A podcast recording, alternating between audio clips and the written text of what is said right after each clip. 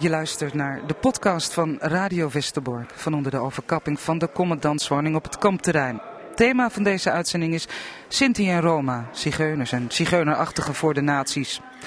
Van overal uit Nederland werden ze in het jaar 1944 vanaf deze plek in Drenthe naar Auschwitz gedeporteerd. Dat is dit jaar 75 jaar geleden. En we praten erover met de dochters van twee overlevenden, Bloema Meinhard en Anjes Driesen. Ook aan tafel Bas Kortholt. Hij is historicus bij herinneringscentrum Kamp Westerbork en plaatst het een en ander voor ons in de geschiedenis. De column is van José Martin over problemen die je tegenkomt tussen de echte en de papieren wereld. Bronnenonderzoek dus. En een hele eer is ook de aanwezigheid van de muziek Roger Moreno en Janus Hallema. Dit is Radio Westerbork. Ja, eerst even de mensen aan tafel hier. Bas, uh, Bloema Meinhardt en Agnes Driesen. We praten vanmiddag over Sinti en Roma. Over reizigers en burgers, over zigeuners, zigeunerachtigen. En woorden zijn uh, belangrijk, daar zouden we het eerst over moeten hebben. Sinti en Roma, waar praten we dan over? Bloema. Over mensen, denk ik, in eerste instantie. Ja. ja, mensen die anders zijn, anders waren. En daardoor heel veel uh, ondervonden hebben. Ja. We hebben het ook over een wereld van, uh, van uh, mensen die door Nederland trokken. Nieuwtjes brachten, spullen aan de man uh, brachten, handel dreven, muziek maakten. Je kleindochter is er inmiddels ook bij aan tafel. Goeiedag, jonge dame. Um, ja, die wereld, hè? de wereld van jullie voorouders. Wie, wie kan die wereld voor ons schetsen? De wereld van onze voorouders tot... Ik denk in de Eerste Wereldoorlog weet ik dat familie van mij hoog gedecoreerd is. Mannen die uh, eigenlijk als uh, kanonnenvuur hebben gediend. Hoog gedecoreerd uh, in de Tweede Wereldoorlog slachtoffers. Door het volk waar ze voor gediend hebben.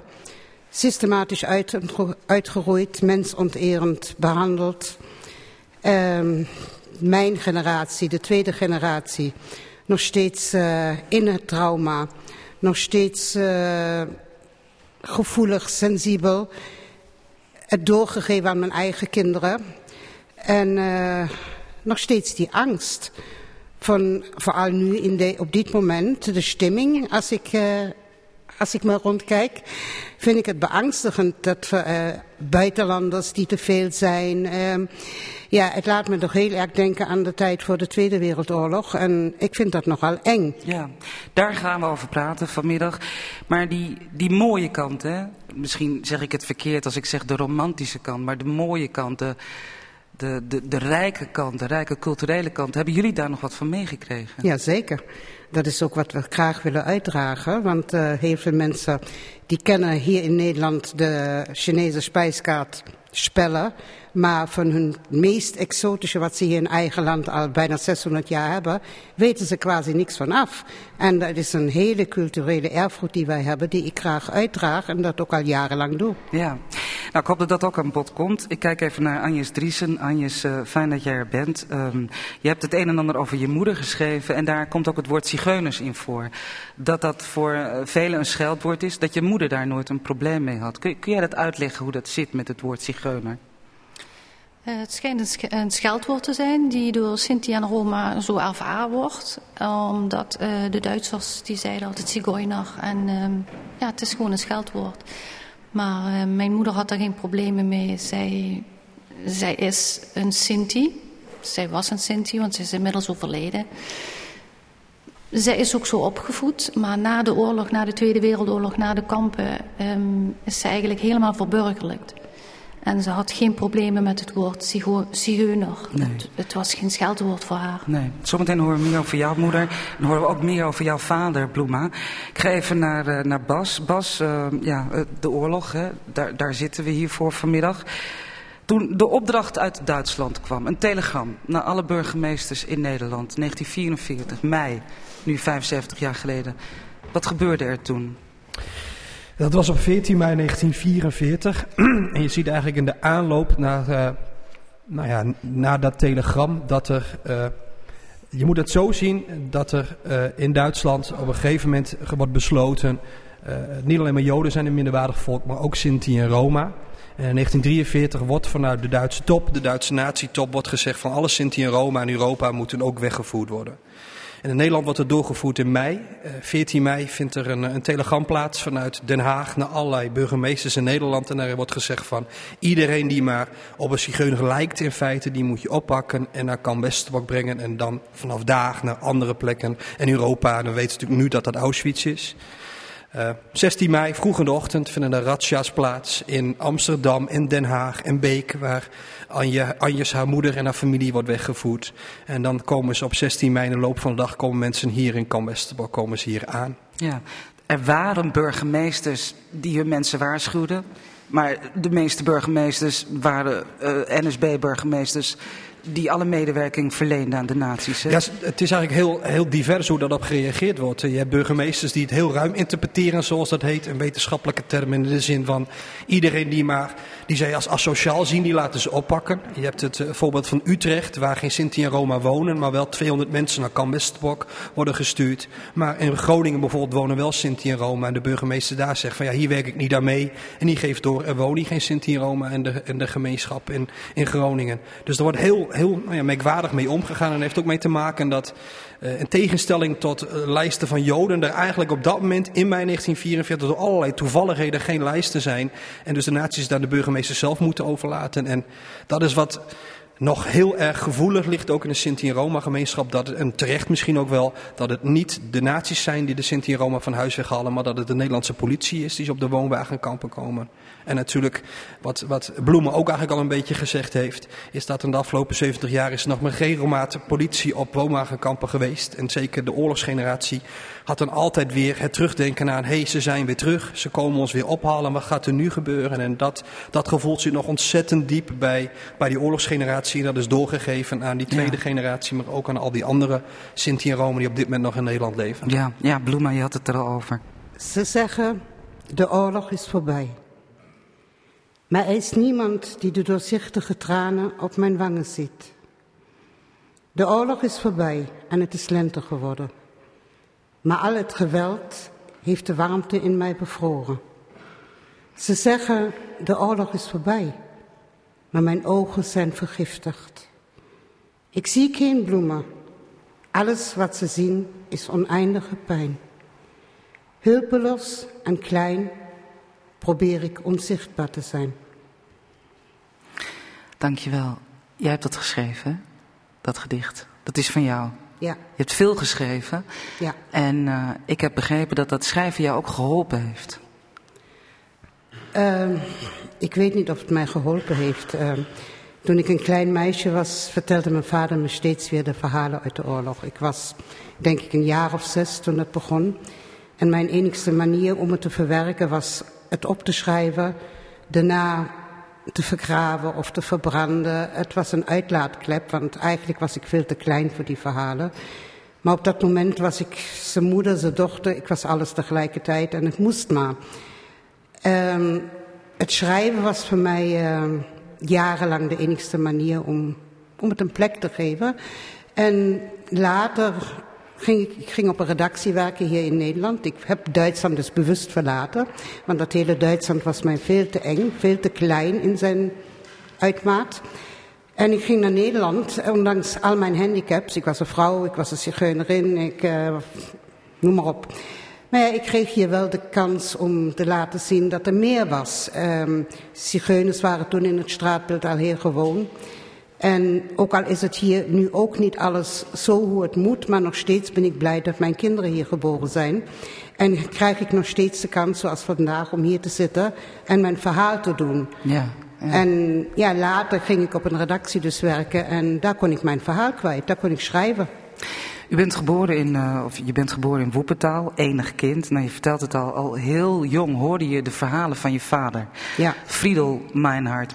Mag ik uh, naar hem vragen? Mag ik vragen hoe het hem vergaan is tijdens de oorlog? Want ja. hij was nog een jonge jongen ja. toen hij naar Auschwitz werd gedeporteerd. Mijn vader moest als jonge jongen uh, Auschwitz mee opbouwen.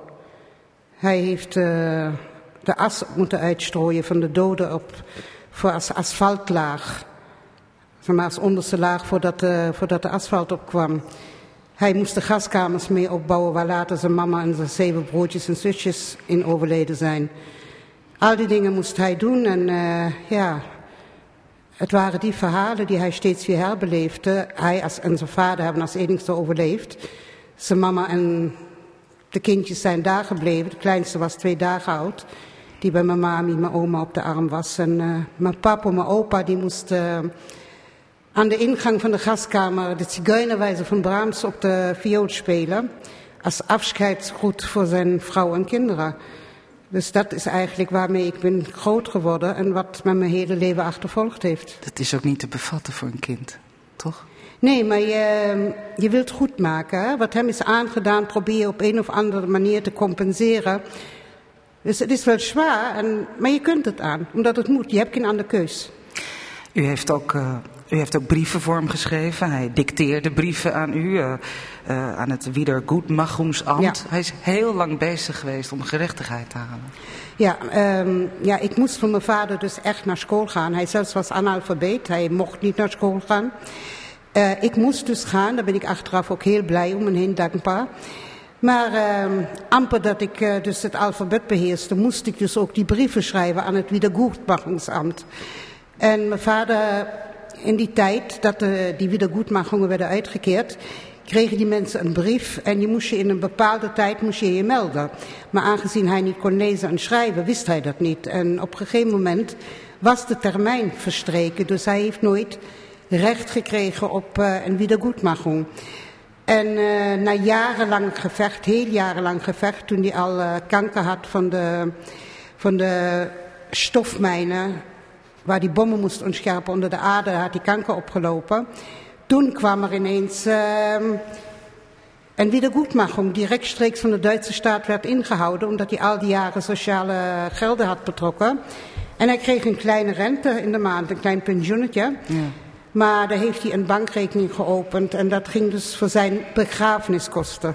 Ging dat geld elke maand heen. Dus hij heeft er in feite nooit iets aan gehad? Nee, hij heeft er nooit iets aan gehad. En uh, ik heb later aangeboden gekregen. Ik wou dat geld niet, omdat het in mijn ogen nog steeds bloedgeld is. Ik heb dat geld dus geweigerd, want met geld kun je niet goed maken wat ons volk is aangedaan. Nee. Um, zometeen uh, bij Anjes uh, komen we hier ook op te spreken, hè, want dit speelde bij jouw familie ook een rol. Um, ik ga even naar Bas. Ja, ik maak sprongen door de tijd. Um, Auschwitz, de zigeuners voor de nazi's, die werden in een apart kamp ondergebracht als ze aankwamen. Niet meteen vermoord werden. Ja, dat was het zigeunerlager. Het was een gedeelte wat dicht bij de gaskamers van, uh, van Auschwitz stond. En Mensen zaten daar uh, weken, maanden en het leven in het zigeunerlaken was, was echt vreselijk. Uh, tekort aan water, er waren ziektes, heel veel mensen stieven daar sowieso al. En uh, iedereen die kon werken werd op een gegeven moment weer weggestuurd naar andere kampen, naar Dachau of naar, naar, naar Ravensbrück, kampen in Duitsland. En wat achterbleef waren kinderen en, en oudere mensen en die zijn begin augustus 1944 zijn die uh, bij elkaar geraapt, eigenlijk zou je kunnen zeggen. Uh, en in de gaskamer, naar de gaskamers gebracht. En Joodse mensen die in kamp aankwamen, zeker vanuit Westerbork, voor hun was het onduidelijk waar ze heen gingen. En dat ging vaak op een hele rustige manier bijna. Alleen de Sinti en Roma in Auschwitz, die zaten natuurlijk al maanden. Die, die leefden naast die gaskamers. Die wisten precies wat er ging, die wisten precies wat er ging gebeuren. Dus dat moet ook een enorm een vreselijk kabaal en gegil zijn geweest. Want ja, ze wisten precies waar, waar, ze, heen, waar ze heen gingen. En er zijn verhalen van bekend, van, uh, van, van Joodse doktoren die op dat moment daar werken in Auschwitz en uh, in het Zigeunerlager. Ja, en die, die beschrijvingen die zijn ook echt, nou ja, de, de rillingen lopen over je rug als je dat leest, hoe dat destijds gegaan is. En dan te, in, te midden van al die wanorde, de, de, de orde van de naties, die hadden wel een doel daarmee om zigeuners en Joodse mensen apart te houden.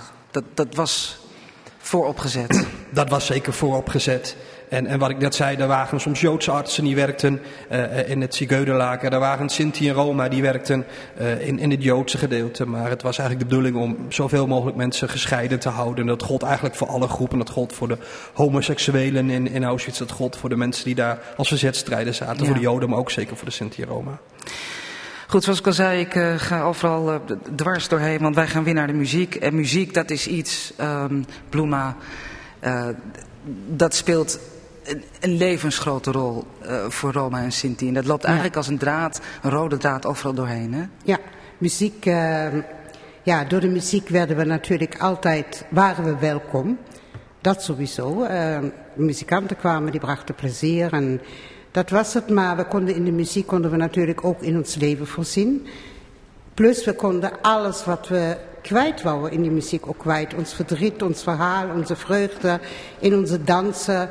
Ja, de muziek heeft wel een hele grote betekenis in ons leven. Ik was in Auschwitz. Ik heb ze gezien.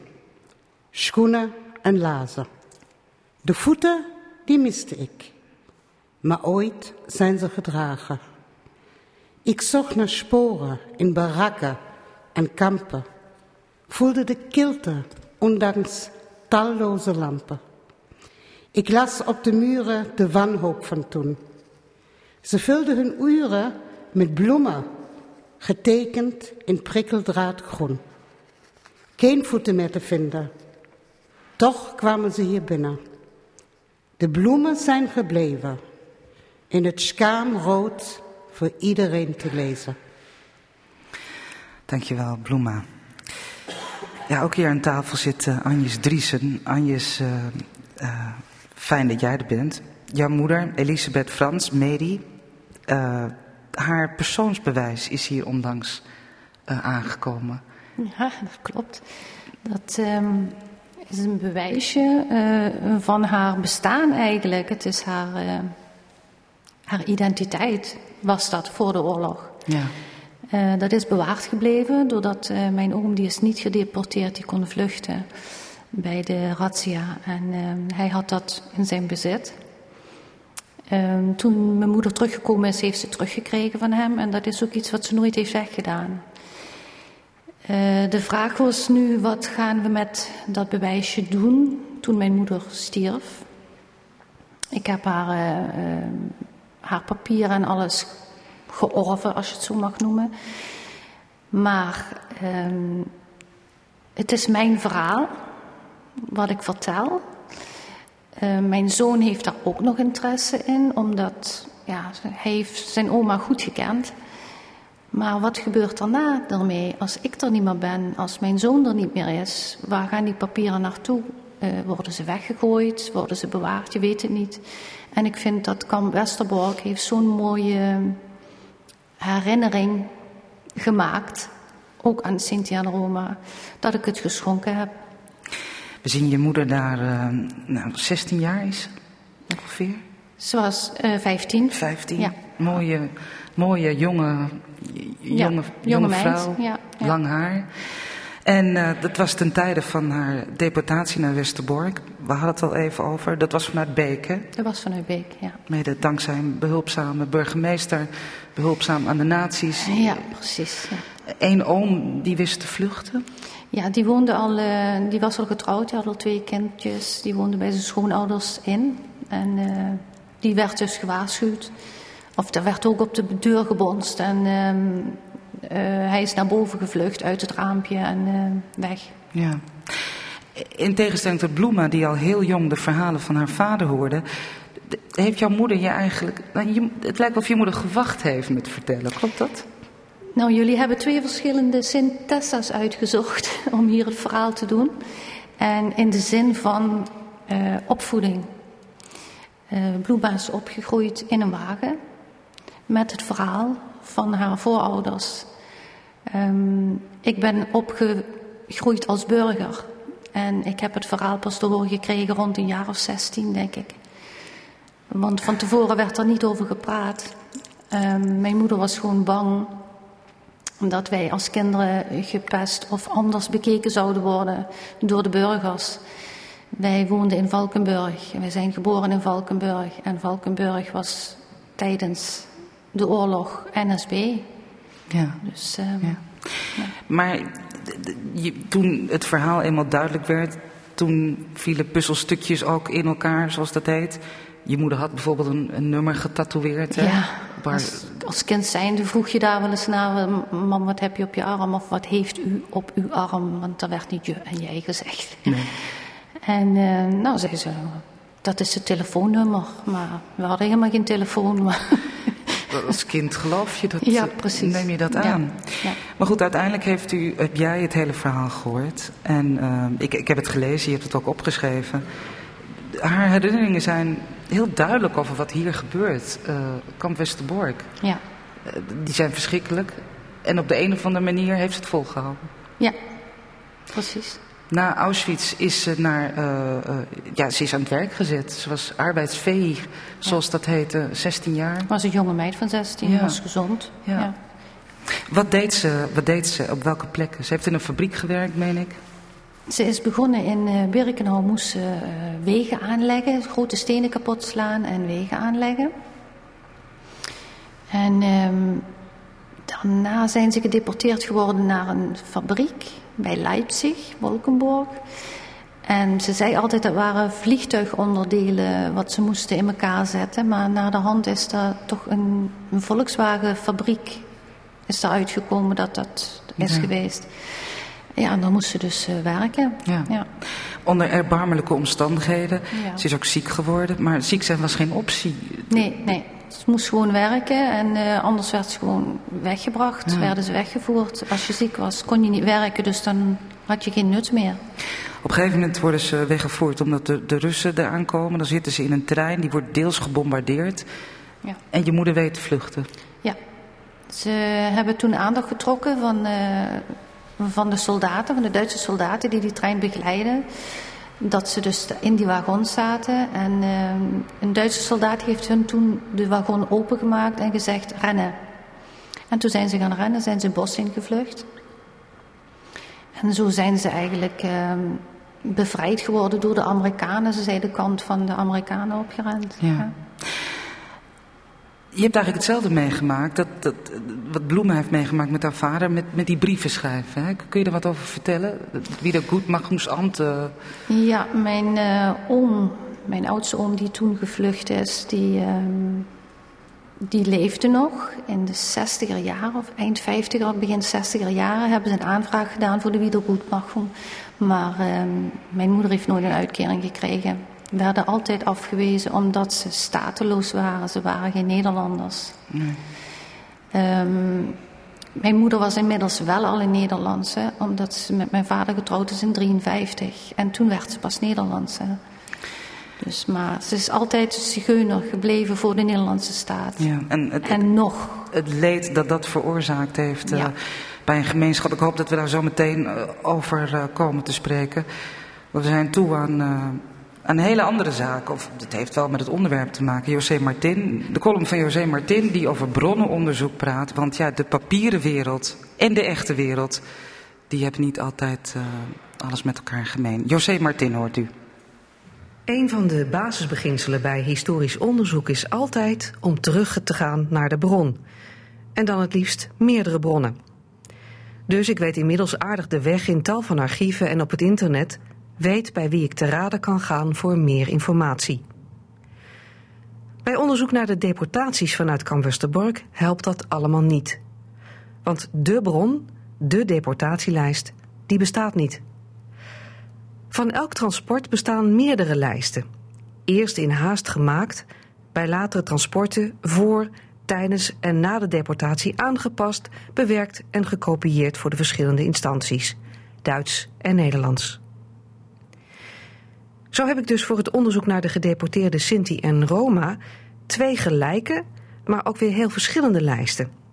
Op het tweede exemplaar zijn met potlood en pen nog zes namen bijgeschreven. Transportlijsten zijn dus lastig. Maar als het gaat om gegevens over geboorte, eventueel huwelijk en ook over lijden, biedt voor het merendeel van de slachtoffers de papieren bronnenwereld een schat aan gegevens. Keurig vastgelegd bij de eigen gemeente leveren gezins- en persoonskaarten een overzicht van ouders en kinderen, broers en zussen, adressen en beroepen. De dagelijkse leefwereld is te reconstrueren vanuit de papieren wereld. Althans, als het gaat om de Joodse vervolgingsslachtoffers. Voor de ruim 250 Sinti en Roma die vanuit kamp Westerbork zijn gedeporteerd, is dat meestal niet het geval. Zo merk ik iedere keer weer als ik op zoek ga naar bronnen bij elke naam. De leefwereld van de Sinti en Roma paste niet in de keurig geordende papierwereld. Door hun wisselende verblijf in Duitsland, Nederland, België, Frankrijk en soms nog verder weg zijn geboortes en mogelijke huwelijken bij allemaal verschillende overheden geregistreerd. Als dat al gebeurde. In de vooroorlogse leefwereld van Sinti en Roma waren papieren, registraties en landsgrenzen niet van belang. Veel belangrijker waren de zorgen om het dagelijks leven, onderdak, eten, de vreugde van het leven, de muziek en elkaar, de familie. Men wist wel wie met wie een relatie had en wie de ouders van de kinderen waren. Dat hoefde niet op papier. En in de akte die ik heb kunnen vinden, zijn kinderen soms geregistreerd met de naam van de moeder of de vader. Vond ik namen als Hendrik, Anna Maria, Peter, Paula, Elisabeth en Johanna. Maar dat zijn papieren namen. Hun echte namen waren Geigli, Leutze, Peppi, Bundla, Mukala, Settela. Allemaal dagelijkse weetjes waarvoor geen bronnen te vinden zijn. Alhoewel, niet helemaal.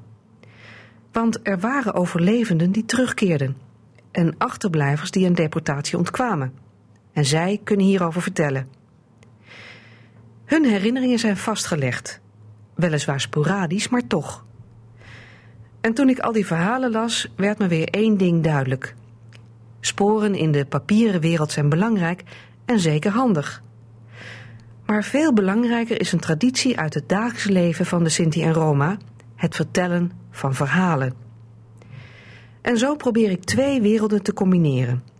De papieren wereld en de dagelijkse leefwereld van Sinti en Roma, om zo uiteindelijk hun verhaal van Westerbork, Auschwitz, Ravensbrück, Sangershausen, Elrich, Mittelbaudora en Bergen-Belsen te kunnen vertellen. Ja, we moeten het over hebben met elkaar uh, dat uh, de geschiedenis van de Roma en de Sinti na de Tweede Wereldoorlog zeker uh, nou, erg genegeerd is. Maar heeft dat ook te maken met waar José het over had, dat die, dat die bronnen ja, niet, niet voldoende waren, dat het moeilijk was? de papieren wereld en de echte wereld? Ik denk dat er meerdere redenen voor zijn. En ik denk dat we de reden eigenlijk al vandaag voor een deel gehoord hebben. Het verhaal van uh, Anjes. Dat eigenlijk haar moeder zegt van die cultuur. Als je daar te veel van meeneemt, word je gepest op school. Of nog erger, worden we misschien wel weer opgepakt omdat we Sinti of Roma zijn. Het verhaal van Bloema dat ze zegt, ja mijn vader kon niet schrijven, kon niet lezen. Dus hoe kon hij dan weten wat er in de wereld gaande was? En, en dit soort factoren leiden ertoe dat nou ja, veel van die geschiedenis eigenlijk nog steeds onbekend is en nog steeds niet vaak genoeg verteld wordt. En bij het herinneringscentrum op het kampterrein hier hebben we natuurlijk een prachtig monument met de 102.000 stenen, waar ook 213 vlammetjes op zitten voor de weggevoerde Sinti in Roma. En als ik daar 10, 15 jaar geleden met, met kinderen kwam en, en kinderen vroegen aan mij, wat betekenen die vlammetjes nou eigenlijk meneer? En dan zei ik vaak, ja, die zijn voor de Sinti en Roma. En nou ja, wat zijn Sinti en Roma dan? En dan vertelde je, nou, een ander woord wat je eigenlijk niet mag gebruiken, maar wat we hier, wat we hier wel vaak gebruiken, is het woord zigeuners. Oh ja, dan, dan wisten ze het wel. Terwijl tegenwoordig zelfs het woord zigeuners bij heel veel mensen onbekend. Maar ik ga even naar Bloema en uh, aan jezelf. Uh, ja, Bloema, jij zei het ook al. Uh, heel veel mensen weten ook niet wat jullie meegemaakt hebben. Maar um, wat ik van jou ook gelezen heb, is er was niet echt een schrijfcultuur, dus dagboeken en brieven bijvoorbeeld, die nee, ontbraken. Nee, ja, de meeste van onze mensen konden niet lezen en schrijven.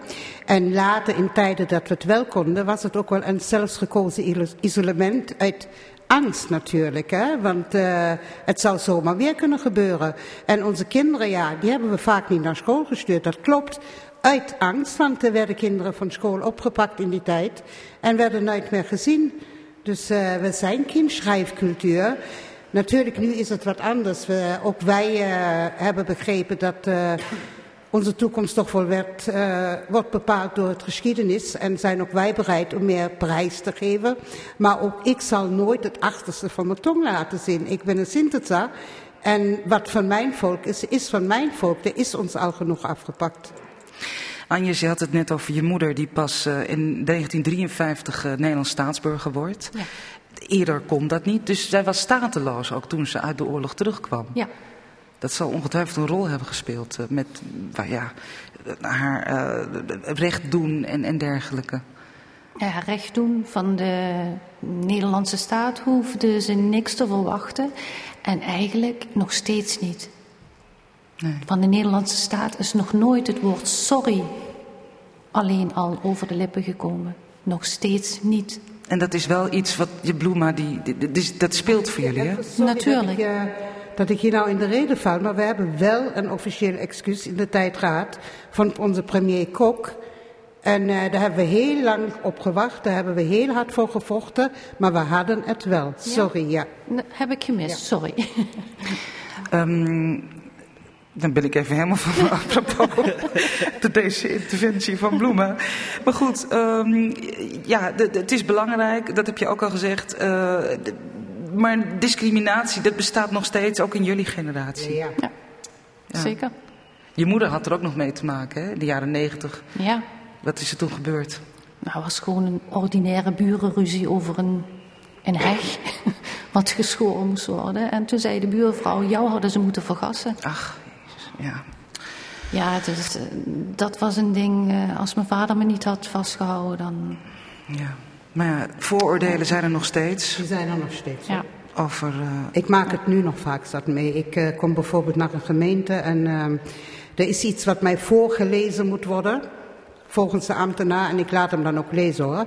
Bladzijden slang. En op een gegeven moment zeg ik dan gewoon van... Sorry meneer, mag ik het zelfs even doornemen? Want ik vind dat u slecht articuleert. En dan krijg ik vaak zoiets van... Uh, kunt u lezen? Ja, en ik kom van de kant en zeg meneer, ik heb ateneum gedaan. Dus dat is eigenlijk een beetje de verwachtingspatroon. En uh, daar verzet ik me dus tegen. Ja, en, en ook denk ik dat iedereen alles op één hoop gooit. Hè? Woonwagenbewoners van het kamp. En, en, en, daarbij voorbijgaand aan de, de rijke en de lange cultuur van de Roma en de Sinti. Ja. Ja. Bas die zei het al, er is te lang over jullie gesproken in plaats van met jullie. En uh, Bas, er komt hier een expositie uh, op het herinneringscentrum. Ja, op 19 mei, dan is het natuurlijk 75 jaar geleden inderdaad uit Kamp Westerbork het, het zoals het zo heette, uh, vertrok. En op dat moment willen we hier op 19 mei een herdenking uh, organiseren, maar ook een tentoonstelling en een, website waar verhalen op geplaatst kunnen worden. Juist in samenwerking met de gemeenschap en juist niet weer zoals in het verleden te vaak gebeurd is. Dat wij als burgers, zoals dat heet, gaan bepalen wat ja. de geschiedenis van de Sinti en Roma eigenlijk geweest is. Heeft dat ook iets te maken met, en dan kom ik toch nog even op Settela Steinbach, een meisje dat jouw moeder kende, Anjes. Ja. Uh, hè, dat, dat, dat beeld, dat, dat, dat, meisje dat haar hoofd uh, tussen de deuren van uh, de wagon steekt. Wat een Sintessa was. Wat mensen jarenlang niet wisten. Dat kantelen van het beeld en het besef dat die Roma en Sinti zijn weggevoerd. Heeft dat ook iets met haar te maken? Dat het bij het grote publiek binnenkwam, dat ook Sinti en Roma zijn weggevoerd. Nou ja, daar is daar deels op terug te voeren. Maar ook de herdenkingen die zijn begonnen vanaf 1994, waar Bloema en al die jaren heel vaak aan meegewerkt heeft bijvoorbeeld. Ja. Hebben een grote impact gehad. En zo zijn er meer momenten. En je ziet dat in 2019 er steeds meer ook jongeren uit de gemeenschap zeggen. Eigenlijk moet dit verhaal verteld worden, want het is onze geschiedenis. Maar het is ook goed dat mensen leren over wie wij zijn. Om juist al die problemen die er nog steeds zijn, de discriminatie, de vooroordelen, ja. om die zoveel mogelijk proberen weg te nemen. Anjes, laatste woorden van jullie. Wat vind jij ervan, de activiteiten hier bij het herinneringscentrum? Um, je ziet de laatste jaren heel veel beweging in, um, in, in die dingen. Dat uh, herinnerd wordt, dat er verteld wordt, dat er aandacht aan besteed wordt. En ik vind het alleen maar uh, helemaal prima. Mooi. Ik vind het echt goed. Bloema? Ja, ik zou zeggen, uh, ik ben er niet echt tevreden mee om... Er wordt nu tegenwoordig wel, wat ik wel goed vind, op Nederlandse scholen en zo uh, over ons verteld en met ons gepraat. Maar bij ons Sinti zelfs en Roma zelfs is dat bewustzijn nog niet echt aangekomen. En ik vind, er moet veel meer gebeuren vanuit onze groep zelfs. Want wij kunnen ons verhaal het best vertellen. Wij zijn de deskundigen op dat gebied. En uh, ja, dat moet gewoon gebeuren. Er is veel te weinig. Veel van onze kinderen kennen nog niet eens onze geschiedenis. Je luisterde naar de podcast van Radio Westerbork. Luister ook eens naar onze andere podcasts van Radio Westerbork. Drenthe Toen of Cassata of een van de vele podcasts die we hebben. En laat eens een uh, beoordeling achter of een sterretje.